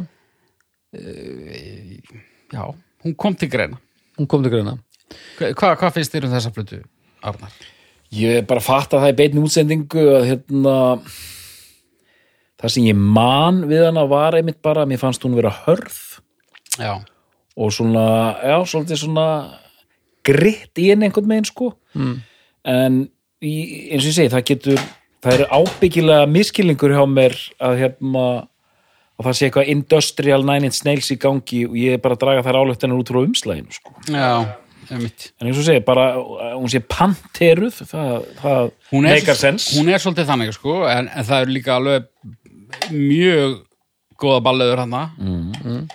Old LA Tonight, ég tók það í- það var á listanum mínum í metalballöðu fríminúturum alveg rétt það er ofbóðslegt lag og hérna, og Zack Wild sko, tölum aðeins um Zack Wild Ok, Zack Wild er glataður lúði ok, og mér finnst tónlistin hans sem hann gefur út undir eigin merkjum, hvort sem það heitir Black Label Society, Pride and Glory eða eitthvað annað já, mér finnst það ótrúlega klient hann svona, jújú jú, hann rambar alveg á lag og lag sem mér finnst ágætt og hann á sér mjög mikla aðdáðundur og það eru leikur að hlusta sem að hugsa mér núna þegjandi þörfina já, en mér finnst það bara svo fokking leiðileg típa sko. er hann dálítið svona mis ég veit það ekki, mér finnst hann aðalega bara ógeðslega mikil póser já, já, hryllilegu pósa þú veist, þegar hann kemur inn í Ossi þá er hann bara stífrakaður strák, skratti reykir ekki, drekkur ekki og bara svona bláeigður eitthvað neginn, blöður baka eyrun og svo bara á einhverju tímapunkti þá fer hann bara í eitthvað makeover og verður bara svona þessi bækerdurtur sem er alltaf bara með viskið og bara, bara þessi pantera póserismi sko já, típa mér finnst þetta bara svo, mér finnst þú ert þetta ekki að kaupa þetta svo nei, en það sem hann hefur gert með Ossi er margt alveg bara óbáslega gott hann er mjög góðu gítalegari já, mörgum finnst hann ofnota þetta pinch harmonic dæmi, mér finnst það líka mér finnst það ekki til trafala á þessari blöðu uh, og þú veist, það segir líka ákveðan að sögu að þetta er sá gítaleikar sem hefur verið langt lengst gítaleikarinn í Ossi bandinu sko. já, já. en beti, hann hefur spilað, hann hefur spilað með Ossi hann er að taka Pantera núna og hann er með þetta Black Label Society hvað hefur hann gert meira svona Hann er með eitthvað band sem heit Pride and Glory, ég veit ekki nákvæmlega, ég held að það sé á undan Black Label. Ég þekki það bara ekki nógu vel, ég er ekki, sko, ríkalegt nafn, Pride and Glory þetta er það svona, gefur út eina plötu 94 já, já, og hættir svo já, ég veit ekki hvað meira hann hefur gert, sko. Solodot, En þú veist, hann í einhverjum svona rólegum suðuríkja fíling sumt að ég er alveg ágætt. Ég bara, til að ég geti haft gaman að því þá þarf ég bara svolítið að gleyma því að þetta sé hann. Og svo setna þá uh, segir Ossi skili við hann bara einfallega vegna svo honum finnst tónlistin sem þeir eru að gera vera farin að hljóma ansi mikið eins og Black Label Society að, og hann fær annan mann inn og, og heldur áfram að gera nákala þannig tótt svo kemur sakku eld aftur og eitthvað en hérna, ok, jájá, ég bara komið svo frá mér en erum við ekki að fara að tikka ekki hérna restina af plötunni Þurf- við þurfum séðan tíma í stóra samhengi já, sko. bara algjörð hundað, down to earth fín uh, ekkert meira um hann að segja eh, hvað er að gerast með þetta cover hérna? veit það ekki ég veit það ekki heldur Hvað er þetta? Akkur er þetta svona? sko ég held að þarna sé dottið inn eitthvað smá industrial dæmi Já, já. það gerist allavega á einhverjum tímapunkti já, alveg rétt, alveg rétt, ég held að það sé rétt hjá þér já, Þannig erum við með Trujillo já. á bassa En þetta, þetta er gott að þessi plata var akkurat með einu orði þryggjast af orði, fín Já. næsta plata þegar að sko þetta line-up var hann er True Hio og Bassa og, Já. og Mike Borden var hann ekki fett nú mór jú, jú. uh, þarna er eitthvað svaka laga ball við sko Bob Daisley og Lee Kerslake úr þarna af fyrstu tveimur okay. og hérna Sharon sendir þá Trujillo og, og Bordin í stúdíó og lætur að taka upp aftur sem sagt bassa og gítar á fyrstu tvær plötunar og endur útgefur þær og er satt múin að eyða út trökkunum frá upprunalegu spilurinn ok, hann er sérst eina upprunalega er bara söngurinn hans Ossi og gítalegur Andy Rhodes þetta er gefið út og það verður allt vittlust og uh, svo bakka hún eitthvað með þetta þetta er, þú veist, orginal uh, útgáðnar eru allar, þú veist aðgengilegar aðgengilega, Já, já, það það, er- er það sem kemur upp þegar þú leitar að svo veitunum sko. ok, en, en þetta var reynd já e- Hún svífst einskis, hún sagði hann. Herðu, undercover það er coverlega plata uh, ég ætla ekki einu sinni að afgreða hana með einu orði eh, ok, Bara næsta að hvað er þetta? Rusl Nei, nei, bara, þú veist, telst ekki með, sko. já, já, já, ok, fyrir ekki þau Black Rain er held ég síðasta Zack Wild platan uh, þarna á, áður en að hann, sem sagt, E, hann er hérna allavega, já já. Ég man ekki hverjir aðrir eru á þessar plötu. Súmað inn á tracklistan. Ég, eh, þessi plata Nei, er hann, alveg... hann er líka á nýjustu já, það var hún var pússuð þessi plata já, hvað, Rob Blasco Nicholson ég veit ekki einu svona hver það er. hann er Rob Zombie solo album og, og Ossi band og eitthvað Ok.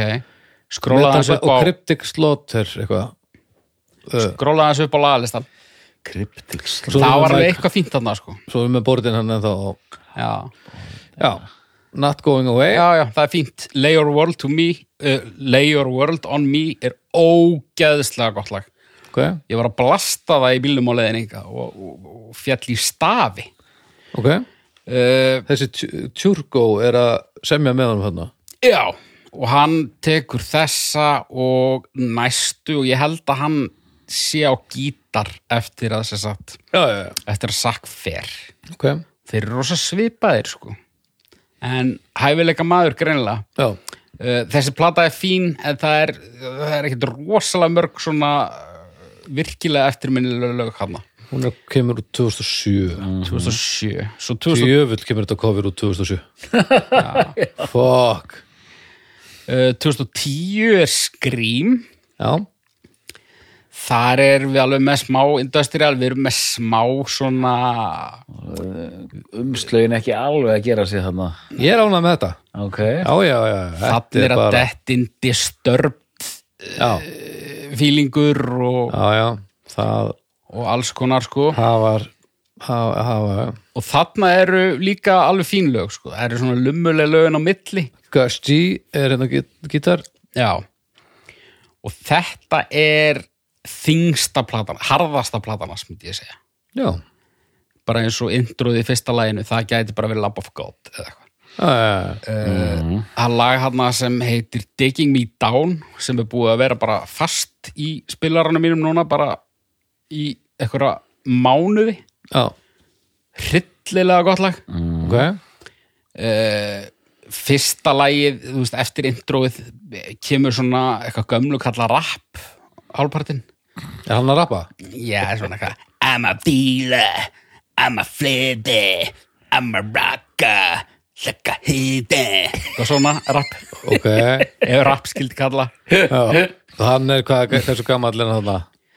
hvað þetta er 2010 þá var hann 2010. 62 já, já, það er besti tíminn til að byrja að rappa langt besti já, já, uh, svo kemur henni ekki plata fyrir en uh, orðin er menn 2020 tíu já, ára millibil já, 2020 já, Ordinary Man já, já og þarna eru nú menn farin að syngja dálítið skringilega já, segðu þið Svolítið skringilega. já sko þarna eru sko ég sendi Arnari ykkur skilabóð þegar ég var að hlusta á þessa plötu ég, ég er enda að hlusta svolítið á þessa plötu þegar hún kom út sko. tók ekki eftir þessu þá en ég tók eftir því núna hann er farin að syngja svolítið svo Engilbert Jensen Já, og, og þá er ég að tala um sko New School Engilbert Jensen ok. hann kom með þetta svona gömlu kalla svona,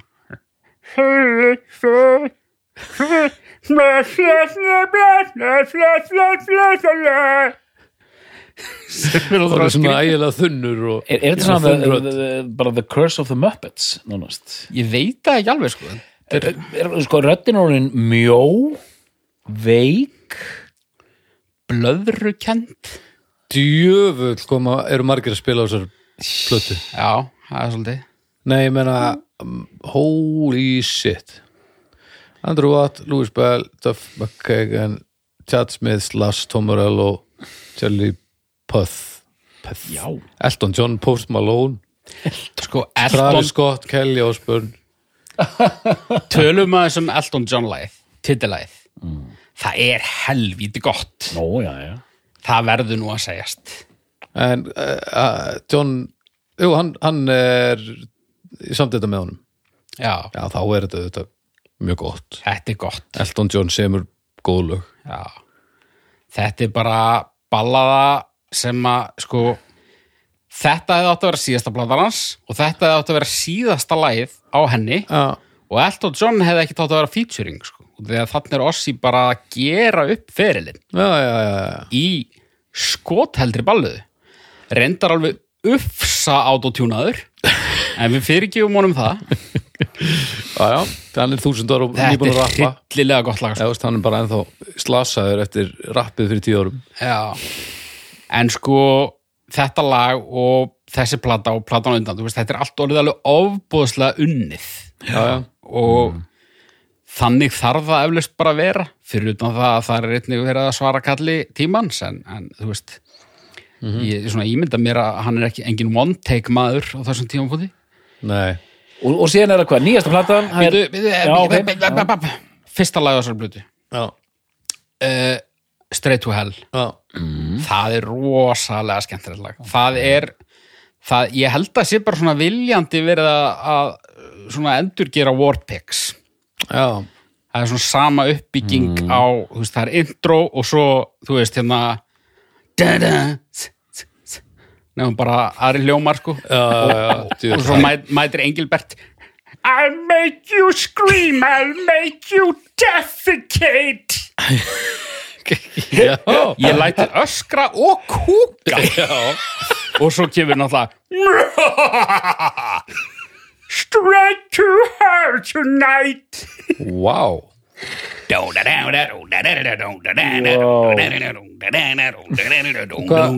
og, ertu, uh, og er bara almenn ánægði með þetta Í- Hún fekk ágæðis viðtökur Já. Hún skorar svona um miðbygg á listum Mér finnst það bara fín plata en þú veist ég, ég, ég er bara er ekkit, ekkit mörg lög hann sem að munu lifa fara oft á fónin hjá mér sko. en, Nei, nei. en titilagið og Elton John lagið ég bara, ég dýrkaði sko. ok, uh, nýjasta platan og Já. því miður bara nokkuð líklega síðasta plata þessa ágæta manns. 2022 Patient number 9 hún fekk bara flotta dóma sko.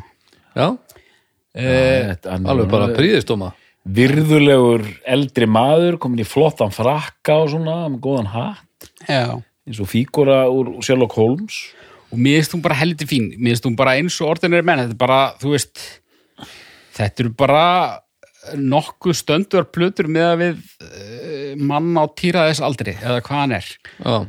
um, og í raunin lítið meir um það að segja sko annar svona ægilegu listi allir vilja, Andrew Watt, Wild, Jeff Beck Tony Wyoming, já. allir vilja vera Mike með McCready, Eric Clapton Josh Homme, Robert Trujillo Já, hann Duff mæti McKagan. Tónia Jómi sko. Já, Taylor Hawkins er þarna Það er ótrúlegt að hann hafi dáið undanum Já. Það er ótrúlegt bara að einhver hafi dáið undanum já, já. En ég meina þó þessi plata sé ekki mestaraverk og þá er það nú helviti gott ef að þetta er síðasta platan hans að hún fái þetta góða dóma Já, það er og, gaman. og þú Já. veist, hún var ábyrrandi sko eh, Hann talaði um það bara stutt eftir að þessi plata kom út að það, hann væri að vinna að næstu sko eftir þessi kom út Já, en hann sérst greinist með Parkinson einhvern tímann í, það var á undan þessar plötu, ég held að sjá milli þessarar og, og, og hérna, Ordinary Man minnum að hafi verið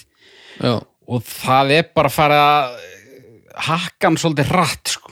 já, og hann er núna búin að vera á leiðinni á túr í 2-3 ár sko. og hann hefur þetta aflýsa honum oftar en einu sinni já, já. Já, einmitt, einmitt, það er, einmitt, það er leiðilegt og þá er ég að meina að það er sárt þegar maður sér einmitt, að- að þú veist, að hann er aflýsað tólunum sko. Já, Það er vilji Það er vilji en, Já. en uh, ekki búnaður Nei, nei, nei og, ég, og Hérna. na, þú veist einhverjum kann að þykja það ósmekklegt að maður sé eh, í einhverjum, einhverjum giskileik varandi svona hluti en sko ég held að hann sé bara alveg á lokametrónum sko. maður sér myndir á honum þú veist, hann alltaf býr í London núna Já, þannig að hann er alveg með já komst, daily, komst hann heim?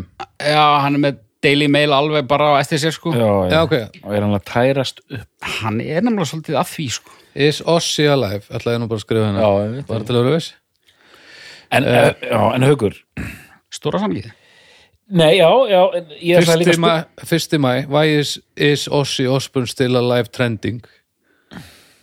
Já, fólk hefur greinlega bara er bara að býða Ég ætla að spyrja þig haugur maður heyrir að þið ekki væntum á sjóspón um og hvað, af hverju hefur áhuga á þessu manni og af hverju er þetta svona þinn maður? þetta hefur um leikitt alltaf verið minn maður sko. eins og ég segi, ég dett hann inn skömmu eftir osmosis dýrkaði hana í kjölfarið tók ég þessar fyrstu þrjár sko, í rauninni ekki sko þá er ekkert mörg lög sem að hringdu einhverjum stórum bjöllum hjá mér þegar ég var að renna Ultimate Sin svona mikið núna auðvitað einhver svo plötunar sem koma hann að Down to Earth og, og Black Rain, ég, þú veist, ég man ég hlusta á Black Rain þegar hún kom út eitthvað smá ég man ekki eftir að hafa rent Scream til dæmis þegar hún kemur 2010 svo tók ég síðustu tvær þegar þær kom út og þetta er bara svona, hann er bara búin að vera bara svona svolítið tröstur á kantinum Já. en ég hef alltaf farið aftur í sko annars vegar bara 80s slagarana og hins vegar osmosis Já, já. uh, og þetta er í fyrsta skipti sem ég tek bara allar plötunar þú veist alveg bara þrú en þrú Já, og það var bara óbúslega gaman og og þær eru flestar eins að því leiti með örfóm undatekningum mm. að við erum að tala um sko þriðjungur stórfenglegur þriðjungur fín og þriðjungur slappur svona eru bara ossiplöðunar svolítið mikið sko og þ- það er ekkit endilega hræðilegt sko bara uh, og þú veist það er engin niðurlæðingarplata Uh, hann á enga sent anger plötu Þú veist, Nei. hann á enga borna genn plötu Nei, nei, nei. þó að þær þyki misgóðar uh, þegar ég tala um slöppulögin þá finnst mér oft hann vera að uh, klikka sko mm. út kannski með góðan grunn en svo kemur eitthvað bara frekar ófrumleg og andlaus uh, söngmelodía og, og þú veist, og hann er bara, þú veist ef að hann er lélegur þá bara dettur þetta allt uh, þá þá hrinur þetta allt sko. mm. þú veist, hann er alltaf með góðan mannskap uh, fram að og með osmosis þá eru plöturnar samdar þannig að, að mennindir sem er í hljómsettinni á þeim tíma þeir semja lögin hann semur melodíurnar og það er gefin út plata -hmm. eftir það uh, að svona ákveðnu leiti fer hann að leita meira út fyrir þú veist. hann fer að fá lög hérðan og þaðan -hmm. semur auðvitað líka eitthvað með hljómsettinni Já, já. en það eru einhverja blötur þar sem að þú veist, það var einhver plata þar sem Sakko Eld var bara í fíl út en hann fekk ekki semja neitt sko, eða, eða, eða neitt að ráði sko. Ok. og hann er bara að fá lög bara hérðan og þaðan sko. ok. en þú veist, þetta er auðvitað alveg sniðut, ég meina þetta hefur alltaf verið rekið bara eins og fyrirtækið sem þetta er Mm. Já. þetta er rosalega stert vörumerki Já, rosalega heldur betur maður heldur betur Og þá kannski er ágætt tímapunktur að ræða aðeins hana Sharon Osborn mm. sem að sko hún er náttúrulega svolítið svona grílan í metalheimum. Þú veist, henni er bölvað í samt og ösku fyrir alls konar hallarsleir. Íbland við að koma hlutum í verk Já, en hún fær ekki nóg mikið kredit, finnst mér. Fyrir, þú veist, jú, jú, Já, hún, þetta var gott kredit. já, þú veist, hún, hún fær kredit vissulega fyrir að hérna, reka þetta vel og stundum með harðari hendi. mm. en ég, ég held að hennar þáttur í þessu sé algjörlega krúsal ég held að þessi maður Mm. hann væri bara að sko geta rækjusamlóku í sko húsasundi fyrir aftan eitthvað pub í Birmingham Mm. og þú veist, totta gamla menn fyrir smáveira Já. ef að hann hefði ekki kynst Sjáron Osborn Ok, ég held það, ég held Já. að hún Hún, hún keirir þetta glæsilega og, og, það- en það er auðvitað eins og staðan er alltaf, maður les hérna og mönnum þykir mjög gaman að tala um hana sem nortn og eitthvað svona já. sem er þetta óþólandi að þið, sko, þess, allir þessi gaurin, svo Peter Grant hérna, Led Zeppelin hérna, Mm. eh, þú veist, hann er bara töffari, flottur, Já, já. tökkur, tökkur í honum aðja, og það er auðvitað bara það sama með hana tökkur í henni sko Mm. og kemur einmitt hlutum í verk, lætur á ganga uh, greinilega fær hugmyndir Já, já. skilur hvað þarf að gera ég menn eins og ossfest dæmið og allt þetta sko já, halda þessu gangandi og vissulega svínar hún á Já, fólk, já. fólki, sko. hún hefur svínað á svo mörgum, sko já. skulum líka ekki gleyma því hverra manna hún er þannig en hérna kastaðist nú allt í ker, eh, kerki Já, kerki, kastaðist í milli kerki. hennar, hennar og, og pappans en, en Nú. það er löngulegðilega sá okay. en hérna en já, ég, ég, ég og, og þú veist, sumir vilja meira þess að ganga svo langt að, að, það, að hún sé bara að fara illa með gamlan mann sko, og hafa alltaf verið, bara, þú veist, hann sé bara mm. bara einhver leikbrúða og hún sé bara hérna, þú veist eh, bara, eða, nú ferð þú á túr og nú gerir þú þetta og hann, þú veist hann hafi bara engan áhuga á þessu ég, þú veist, ég, ég, ég held að það sé helvíti eh, langsótt, sko en hún vissulega hérna hún segir gó sko, það er alveg þannig en hérna, já, ég vil líka vera að hugsa um bara fyrirbælið og sjóspún um, af því að ég, ég hef sagt svona í gríni hann getur ekki sungið þeirri sitt sko sem, þú veist, það er, er að einhverju leiti er það þannig en maður ský, já, nei, ok þetta- Mm. Það já, er eitthvað tóttnýðunum sem að Já, já. þú finnur ekki, ekki annars staðar sko þetta er svona ólanfarið sko, en hérna en það er svo flott ef maður lesi einhver svona YouTube komment og svona eftir einhver vídeo og hann er á tónleikum bara að hann sé svona off og við þýrst alltaf vera rugglar en er alltaf einhvern veginn langflottastur já, hann er einhvern veginn, það er einhver sjarmi sem hann býr yfir sem er óneitanlegur mm. sen er ég að pæla, þetta er svona kenningi mótun, er hann með þennan einhvern svona hverstagsjarma, bara einhver gaur sem svona kannski ekki besti söngvar í heimi og, og eitthvað svona og fer einhvern veginn alla leið sko. er, eru við að fíla það eða er, er ég í ruglunum sko. Nei, ég held bara, þú veist, ég held að þetta sé alveg rétt, en ég held að þetta sé bara eitt þáttur að rosa mörgum, sko. Ég, ég, ég held að þetta sé bara það margir samverkandi þættir að það sé rosa erfitt að pinpointa eitthvað eitt sem er galdurinn við hennar mann, sko. Já, Uh, sko, að vissuleiti er ég sammálaður og ég hef sagt þetta sjálfur að, þú veist, oss, ég hann er nú engin söngvari, sko, en ég tók nú gærdaginn svolítið í að hlusta á og svona, einmitt, isolated tökur ok af þessum gömlu plötum, þú veist, Já. það var að tala um pre-autotune sumt þarna er bara helvíti vel gert, sko okay. en, en þú veist ég skil hvað þú meinar og, og ég hef bara yfirleitt verið sammálaðir og þú veist, það er það er á blaði ekki þarna sem að ætti að virka þú veist, við erum að tala um mann með þessa rödd, þessa skrýtnu rödd og sem við myndum segja bara hræðilega rödd mm. veist, hann semur ekki lög hann er óforbetranlegur eitulifið sjúklingur og hérna er alltaf að koma sér í vandræði uh, sviðsframkoman þú veist, hann þrammar um sviðið eins og eitthvað tröll úr H.C. Andersen æfintýri, sko bara í rauninni, bara eins og gamalmenni meiri sér sko þarna þegar hann er bara já, já. milli þrítis og færtus, þá reyfir hann sig bara eins og ga gamall maður, sko Já.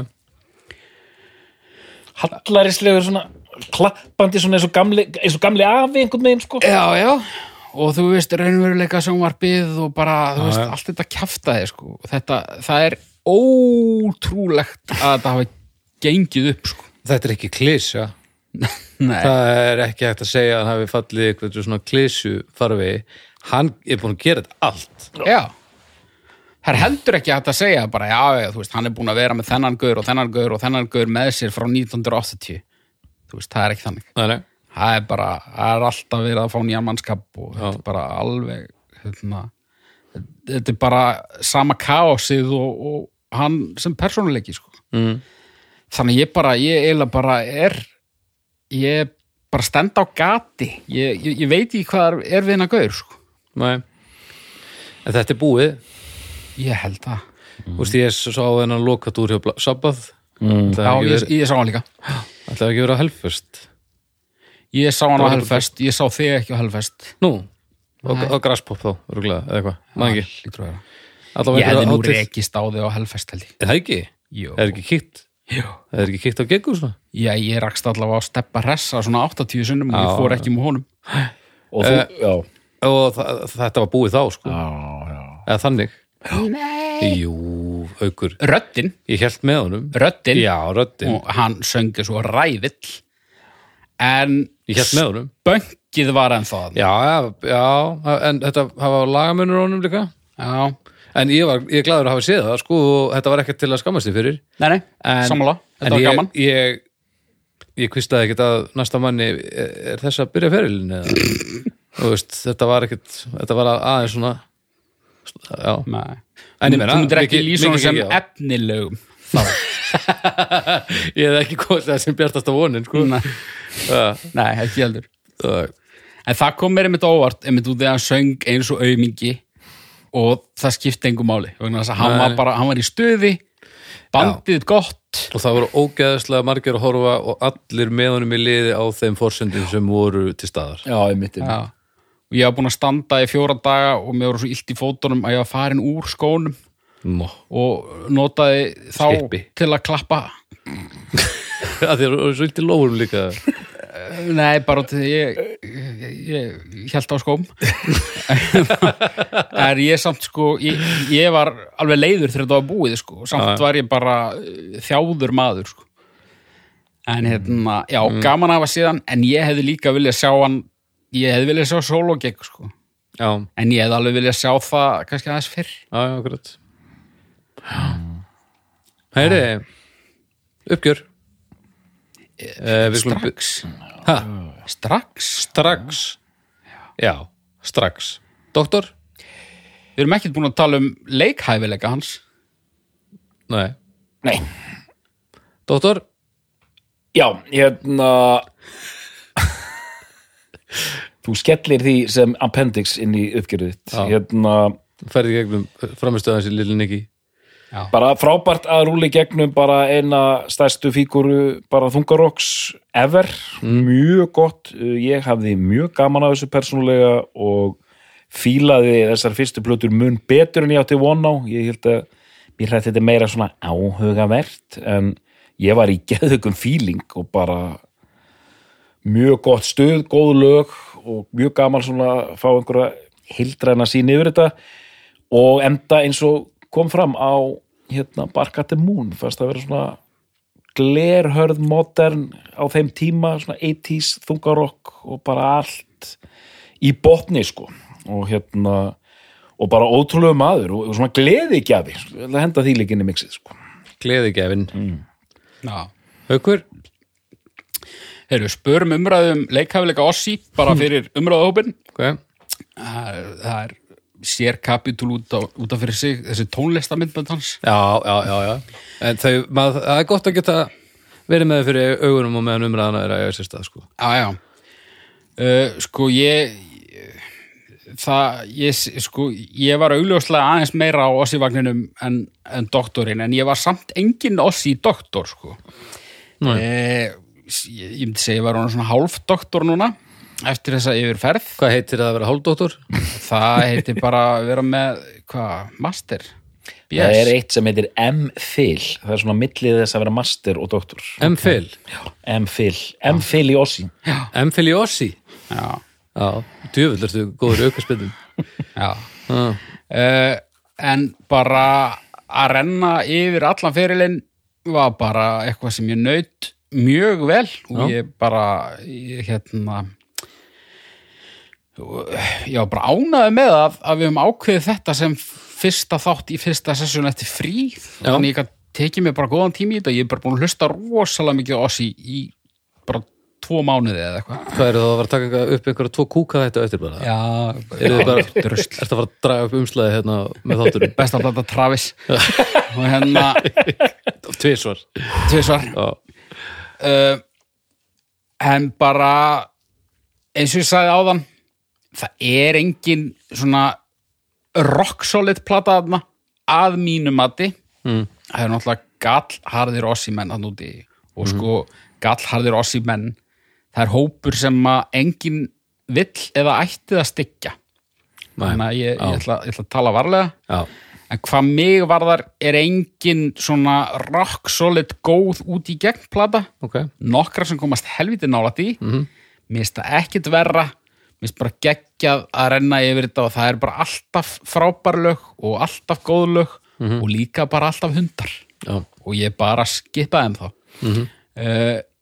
Hjælt lengi vel að ég væri að fara að enda í Barkati Moon. Enda í Ultimate Sin. Uh, besta plata Ossi að einhverja mati, ekki rosalega margra en ég er þeirra á meðal mjög fara. takk fyrir mig Mhm. ætlan Tóri þar til þetta fyrir loftið Þetta verður rúglega best tímasetti þáttur í sögu bestu blötunar með þau hvernig þið eru að lýsa þessu. Það ég geti vona verið. ekki samt Nei, ég meina að- að þetta, að þetta er að ganga líka því að sko við draugunum flósið kom og gerði þáttum uh, semst upphafið uh, söguna sem varð síðan inspiration, inspiration fyrir Exorcist myndina Já, og bara já. búm, legsturinn deyr bara einum degi fyrir að, að þáttunum fyrir lótt leikstjórin að Exorcist, Fridkin, Já. er hann dáin já, Æi. já, já hann að nú, og nú varst þú að drepa á sí ég er, viss- þetta nei, hitta Ég er hljóðkirkju full að trúa Ossi, hann á eftir að sigla ekki um þetta og Hefur koma sko, full að trúa Ossi, hefur séð hana? fíl eldur tilbaka Nei, hann er ekki, Ekki ekki fíleldur. fíleldur neitt En ég vona að það verði ekkert, ekkert sérstaklega illa eða vel tímasett þóttur. Ég vona, ég vona hann tóri aðeins lengur. Hann, hann hérna, Fer nú eftir hvernig hún líður heimurinn er betri með smá oss í, í honum, sko. Nei. Þannig að Haukur Er þetta besta plata Ossi Osborn? Já. Doktor, er þetta besta plata Ossi Osborn? Nei. Við þakkum fyrir í dag og við heyrumst að viku liðinni